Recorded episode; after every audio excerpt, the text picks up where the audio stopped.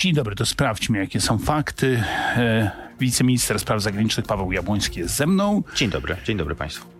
Pański były kolega, obecnie prezydencki minister do spraw zagranicznych Marcin Przydacz oraz Jacek Siewiera, szef Biura Bezpieczeństwa Narodowego są w Waszyngtonie. Czy oni przywiozą stamtąd datę wizyty prezydenta Joe Bidena w Polsce? No to jest cały czas mój kolega, chociaż już w innym miejscu pracuje. Mamy, mamy okay. na szczęście bardzo dobre relacje. Czy przywiozą e, datę? Pański Myślę, był kolega z resortu o tym Tak, byliśmy rzeczywiście w jednym ministerstwie bardzo długo. Teraz e, reprezentuje minister Przydacz kancelarię prezydenta i e, tam toczy się rozmowa nie tylko o wizycie. To jest też bardzo ważne. Wizyta oczywiście to jest coś, co w sferze symbolicznej ma ogromne znaczenie, także jako pewien e, mechanizm ustalania i potwierdzania pewnych wcześniejszych porozumień decyzje, które zapadają, jednak zawsze są przygotowywane na tym szczeblu e, eksperckim, technicznym, roboczym. Do właśnie takich decyzji służą spotkania, takie jak mamy Czy również dzisiaj. będą rozmawiali na przykład o sprawie wzmocnienia armii ukraińskiej, o lotnictwo, o F-16? Z całą pewnością tematy, które będą poruszane, to przede wszystkim analiza tego, w jakiej sytuacji jesteśmy dzisiaj, jak pomagamy Ukrainie do tego momentu i jak jeszcze możemy jej pomóc. Co zostanie ustalone, jakiego rodzaju wsparcie, w jakiej ilości, jakiego typu. Mam nadzieję, że się o tym niedługo mm. będziemy y, mogli i dowiedzieć i powiedzieć publicznie. Panie ministrze, media piszą, tak w Polsce Dziennik Gazeta Prawna o tym wspomniał, że prezydent Biden przyleciałby do Polski i tu ogłosił swój dziesięciopunktowy y, plan pokojowy. Myśli pan, że to w ogóle realne na tym etapie ogłaszać plany pokojowe?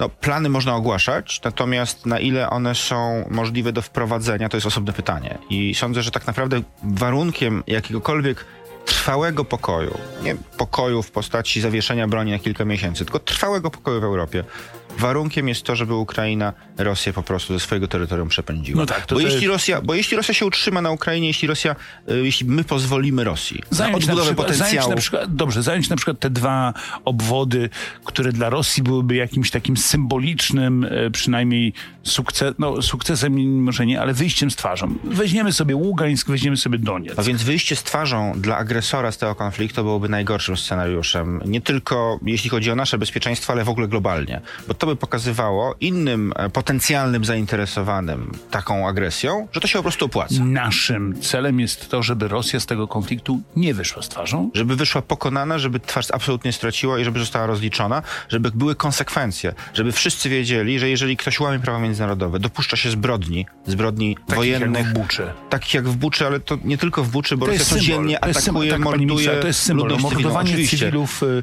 w, w taki sposób wydawało nam się wspomnieniem z czasów II wojny światowej. Niestety Rosja cały czas kieruje się tymi samymi zasadami. Widzieliśmy zresztą wczoraj. Stalingrad, tak? Putin w mieście, które przemianowano znów na Stalingrad pod tymi samymi stalinowskimi symbolami.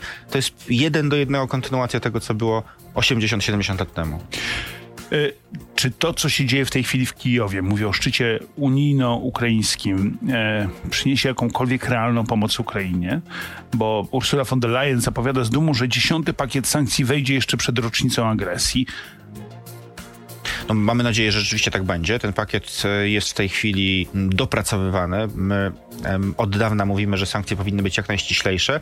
Nie tylko rozciągać się na jak największą liczbę obszarów, ale też być szczelne. Dzisiaj to jest jedno z głównych wyzwań, bo mamy e, bardzo daleko idące sankcje. W dużej mierze dzięki temu, co Polska proponowała od początku, nawet jeszcze przed inwazją, ale kluczowe jest to, żeby dzisiaj zidentyfikować, bo identyfikacja w zasadzie jest, ale skutecznie przeciwdziałać obchodzeniu sankcji. Mhm. Paweł Jabłoński, wiceminister spraw zagranicznych jest razem ze mną. W studiu jest 7 po 8. Panie ministrze, tylko pytanie o sankcje to także pytanie o to, czy, e, czy my nie jesteśmy bezradni, my jako Unia, bo przecież te sankcje nie tylko nie zatrzymały Rosji, ale ją ale w ogóle na niej nie zrobię żadnego wrażenia, o tak to powiem. To zupełnie się z tym nie zgadzam. To jest po prostu niezgodne z faktami.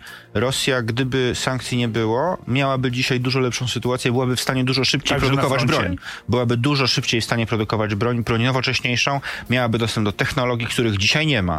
Dzisiaj Rosja używa tego starego sprzętu z magazynów. Ma go oczywiście bardzo dużo i to jest niezwykle groźne cały czas. Ale wyobraźmy sobie, co by było, gdyby Rosja cały czas miała dostęp do technologii.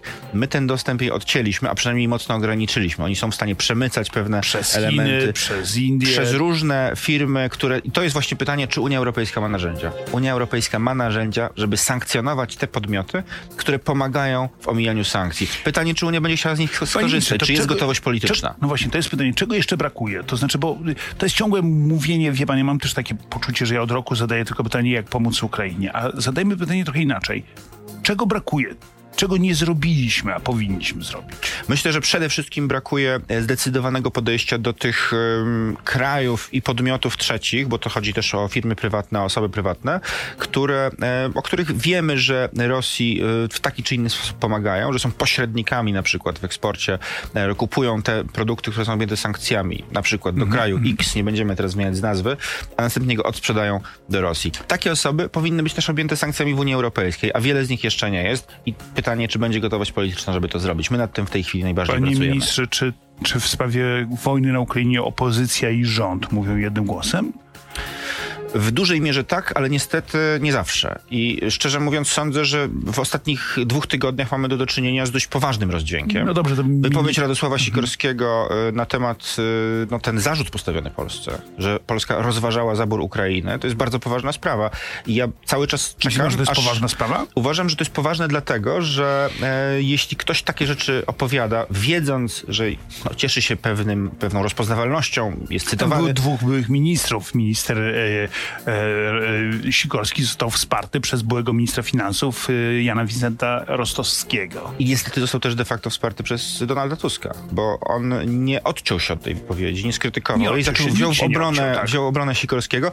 Były pojedyncze, ja też chcę być uczciwy wobec tych członków Platformy, którzy to zrobili. Borys Budka na początku, mam wrażenie, próbował się Ale odcinać, może ale, na chyba został oni, szybko oni po prostu uciszony. nie wiedzieli, co mają mówić. I ja uważam tutaj, że jeśli Platforma rzeczywiście chce takie rzeczy opowiadać, chce kłamać na temat tego, co Polska robiła, no to to jest bardzo szkodliwe dla Polski. no, I nie dobrze, bo- powinno tak być, bo to bo akurat są takie sprawy, możemy się spierać w różnych tematach krajowych, to jest oczywiste, ale są takie sprawy, gdzie obniżenie wiarygodności państwa po prostu nam wszystkim szkodzi. Pana nagle w tej sprawie zainteresowało, skąd Sikorski ma pieniądze. No nie nagle, to jest sprawa znana już od dłuższego czasu, ale od dłuższego czasu Sikorski po prostu nie chce powiedzieć za co, ani od kogo te pieniądze dostawał. Być może to było zupełnie legalne, ujawnił No nie, no powiedział, że z doradztwa. No, No tak, ale- ujawnił te pieniądze, Ale ujawnił, pytanie, że zarobił komu 800 doradzał? tysięcy euro. Co doradzał? Za co? No, on jako europoseł zarabia... Nie, no, no dobrze, tylko jeśli to jest partia, która mówi tak dużo o przejrzystości, Platforma mm, na sztandarach ma te zasady, a jednocześnie mamy sytuację, gdzie on zarabia jako europoseł 8-9 tysięcy miesięcznie, a w ciągu 8-9 jednego roku... tysięcy euro, 8 dodajmy. tysięcy euro oczywiście.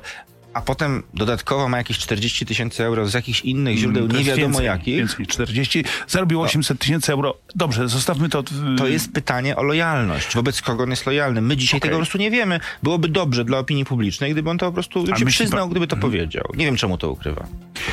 E, Pan zadał te pytania, nie uzyskał pan odpowiedzi. Ja będę pana pytał e, jeszcze o, o to, czy Komitet Olimpijski powinien w ogóle dalej rozważać to, jak e, Rosjan zaprosić do uczestnictwa w Igrzyskach w Paryżu. Czy może Unia powinna zatrzymać jakiekolwiek wizy dla Rosjan? O tym wszystkim w internecie, w radiu RMF24 i w interi.pl. Słuchaczom radia życzymy miłego i bezpiecznego weekendu.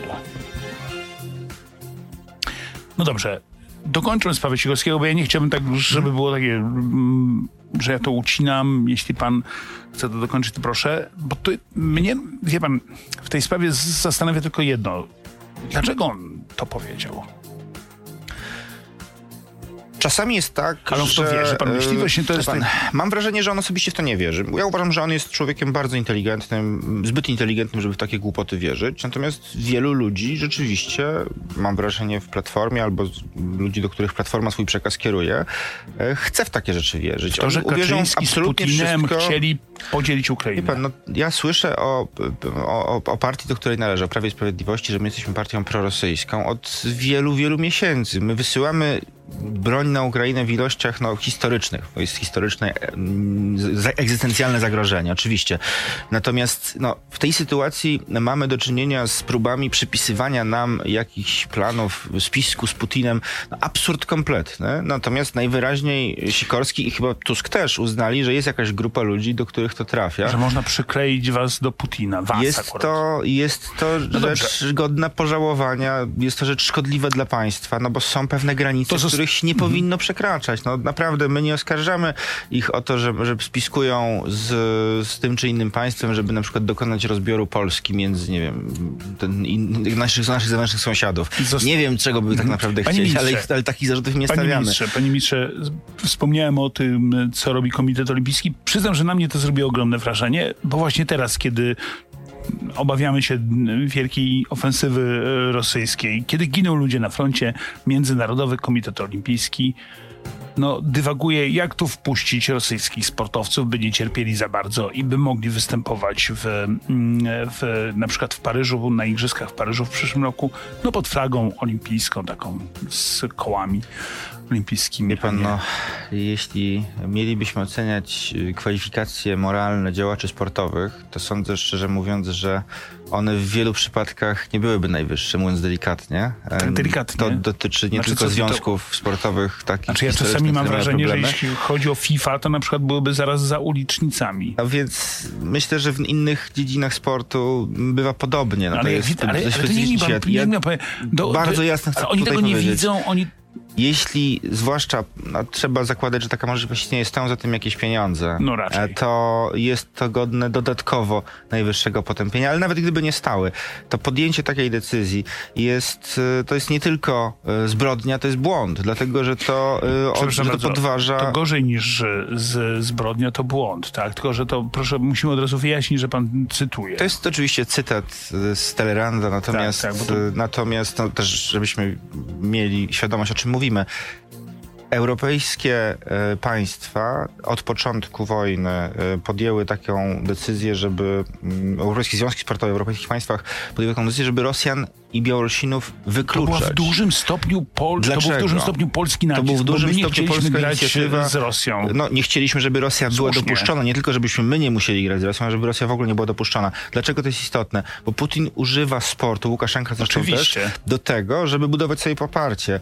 Więc ograniczenie możliwości startu rosyjskich i białoruskich sportowców e, na e, zawodach sportowych globalnych no, przeciwdziała tej rosyjskiej propagandzie. Jeśli dzisiaj ktoś chce ich przywracać, fatalna decyzja. Wczoraj bardzo ważne oświadczenie tak. ministrów sportu Polski i państw bałtyckich, żeby, no, też Ministerstwa Sportu jest co innego niż Komitet Olimpijski, my nie możemy wymusić tej decyzji. Oczywiście. Ale moje osobiste zdanie jest takie, że jeżeli sportowcy z Białorusi i z Rosji zostaliby dopuszczeni do igrzysk w 2024 roku, to e, powinniśmy po prostu igrzyska zbojkotować. Nie powinno być udziału w takich igrzyskach. No, to jest presja, którą powinniśmy wywrzeć na Międzynarodowy Komitet Olimpijski. Tak jest moje zdanie, natomiast związki sportowe będą swoje decyzje oczywiście podejmowały, no bo one działają niezależnie od rządu.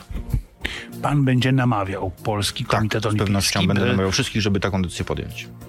To bardzo ważna deklaracja, bardzo panu za nią dziękuję. E, dziękuję także dlatego, że no nie ukrywam, że się z nią e, solidaryzuję. Rzeczywiście uważam, że teraz zabawy z Rosjanami są nie na miejscu. Mówię to jako wielki przyjaciel Rosji, Rosjan z czasów dawno minionych. Byłem nie tak dawno na wakacjach i raziło mnie to, jak Rosjanie beztrosko się tam bawią. Ja oczywiście mam swoje dość paskudne i głupie, bardzo za to przepraszam, że jestem taki niemądry, zwyczaje, że jak przechodzi koło mnie ktoś mówiący po rosyjsku, to mówię mu sława Ukrainie. Jak jest Ukrainiec, to się ucieszy, jak Rosjanin, to czasami dochodzi do dziwnych reakcji. Natomiast co można zrobić tak naprawdę? Co może zrobić Unia Europejska? Czy Unia Europejska powinna zakazać Rosjanom wydawania wiz? Uważam, że tak. My to zrobiliśmy. My to zrobiliśmy. zrobiliśmy to razem z y, państwami głównie Europy Środkowej, kilka innych też do tego Ale oni nie dołączyło. chcą przyjeżdżać do Polski, nie chcą przyjeżdżać do Francji, Niemiec. Tutaj są, oczywiście, tu są, jest kwestia też wiz Schengen, które już zostały wydane. My uważamy, że tych wiz wcześniejszych też najlepiej byłoby po prostu już anulować nie honorować, anulować je. No, żyjemy w sytuacji, w której każda presja także na rosyjskie społeczeństwo, które niestety w swojej Ale masie zdecydowanie Putina popiera. Ta presja jest niezbędna. Nie możemy dawać oddechu tu czy gdzie indziej i takich wentyli, które tak będą Putinowi pozwalały mówić, słuchajcie, no są sankcje, ale sobie radzimy. Zobaczcie, możecie cały czas gdzieś jeździć, mogą jeździć cały czas się bawić. do Turcji, mogą jeździć do Grecji, do Włoch na wakacje. Mogą jeździć praktycznie wszędzie, bo strefa Schengen pozwala na to. Jeżeli jadą do jednego kraju Unii Europejskiej, tak. nikt ich nie zatrzyma na granicy innego państwa, które w strefie Schengen jest. Więc to niestety jest bardzo demoralizujące i pokazuje, to też podważa wiarygodność Unii, bo Putin dokładnie tak to no przedstawia. Czy, Sankcje czy, nakładają, czy Polska, ale w zasadzie nic nie jest Panie ministrze, czy Polska ten postulat stawia e, w, również w innych miejscach, nie tylko w radiowym studiu? Oczywiście, że tak. My go stawiamy na, przede wszystkim na forum Unii Europejskiej. To, to jest dyskusja na Radzie do Spraw Zagranicznych. Minister Rao o tym mówi jednoznacznie. Razem z kolegami ministrami z państw, zwłaszcza Europy Środkowej, państw bałtyckich, Czechy, e, też państwa skandynawskie. Czy, czy opór jest największy?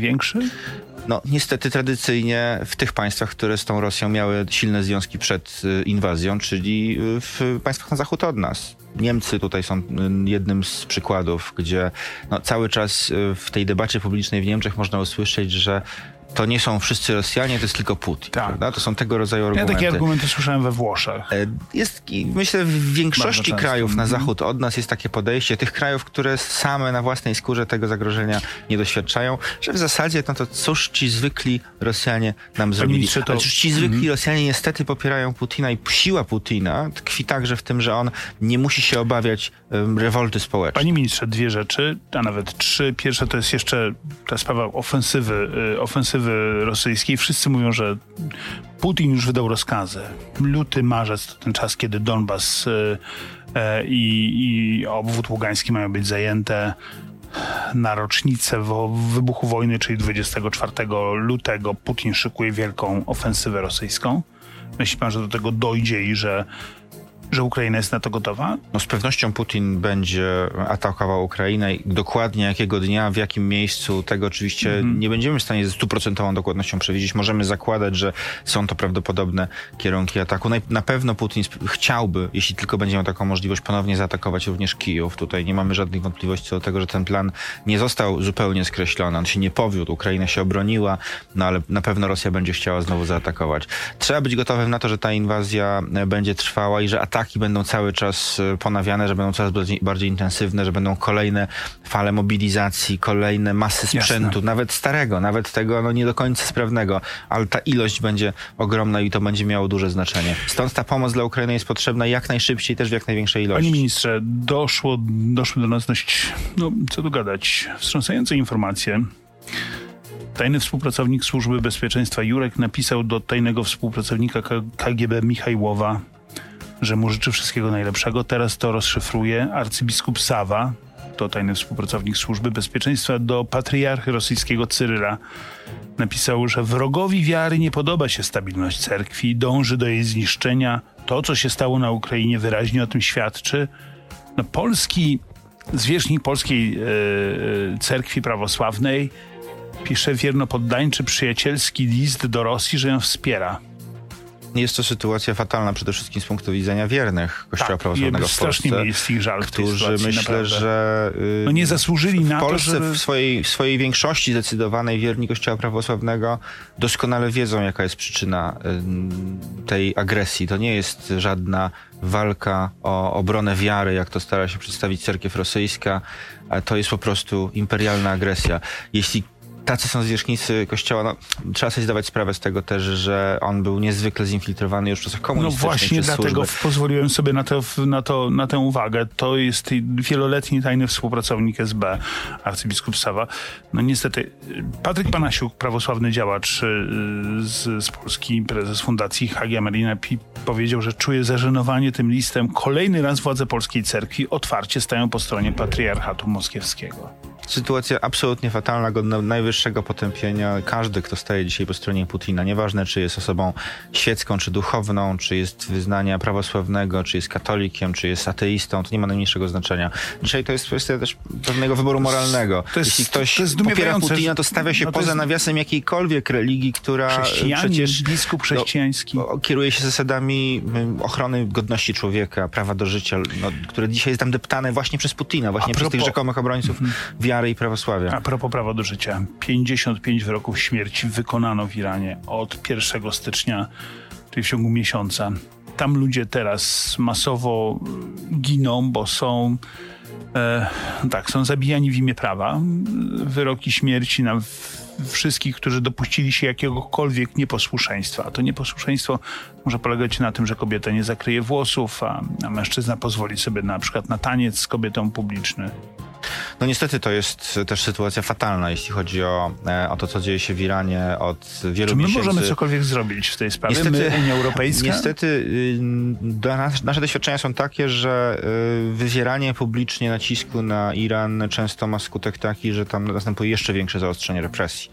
E, To wynika też z wewnętrznej struktury, że w zasadzie tam rządy e, już, bo tam są pewne grupy oczywiście, są, jest, jest rząd y, i, i Majlis, czyli parlament, ale jest też grupa e, Stra- Korpus Strażników Rewolucji, który tak naprawdę kontroluje większość państwa. tak. Są oczywiście ajatollahowie, przywódcy duchowni, ale w dużym stopniu to, to przede wszystkim strażnicy rewolucji mają największy wpływ na to, co się dzieje w, w państwie. No i te, ten- tendencje do radykalizacji, do zaostrzania represji są tam cały czas bardzo silne. Tą presję oczywiście trzeba wywierać. To nie jest tak, że my powinniśmy zupełnie zamknąć e, oczy na to i, i udawać, że się nic nie dzieje. Natomiast też musimy e, wyzbyć się złudzeń, że z dnia na dzień sytuacja się, się poprawi, dlatego że tak po prostu e, to państwo Musimy funkcjonuje. Wyzbyć złudzeń, ale z drugiej strony mamy spokojnie patrzeć na to, jak te niewinne dziewczyny, chłopaki Nie, absolutnie, giną. No, absolutnie, nie, spoko- absolutnie nie, nie powinniśmy spokojnie na to patrzeć i Unia Europejska, też Po- Polska razem z innymi państwami w Unii Europejskiej przyłączyła się do tego, że mm, osoby odpowiedzialne za te represje są objęte sankcjami.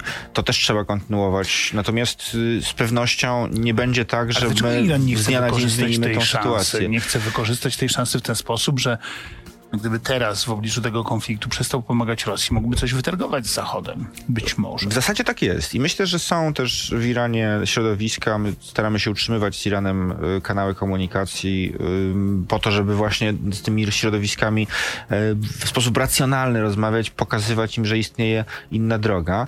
Mamy nadzieję, że uda się doprowadzić do tego, że taka zmiana nastąpi. Natomiast no, niestety Rosja jest tam również bardzo mocno obecna. Stąd ten mocno, mocny sojusz, także jeśli chodzi o dostarczanie broni, sprzętu, dronów. No, mówi się o tym jasno, no bo to, bo to niestety jest bardzo e, niekorzystne. Czas na najważniejsze pytanie tego poranka. Co pan minister przeczytał w styczniu? Przeczytałem y, kilka książek. Teraz skończyłem y, Amosa Oza z ziemi Izraela. Bardzo ciekawy zbiór esejów. To jest dość stara książka, ale Tak. wydana w zeszłym roku w Polsce. Bardzo ciekawe to eseje, takie reportaże trochę z jego rozmów y, w różnych miejscach Izraela, y, zachodniego brzegu też, o tym jak funkcjonowało to, pan- państwo po 30 latach, 40 latach od powstania. Ciekawe też z punktu widzenia polskiego, bo tam są pewne paralele dotyczące tego konfliktu politycznego, który tam miał wtedy miejsce. Bardzo ostry podział, bardzo ostra polaryzacja między lewicą a prawicą.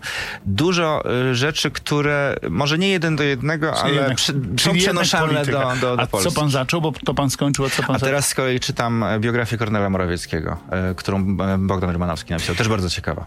Pozdrawiam serdecznie pana, pozdrawiam serdecznie państwa. Bardzo dziękuję za uwagę. Kłaniam się nisko. Do widzenia. Dziękuję, dobrego dnia.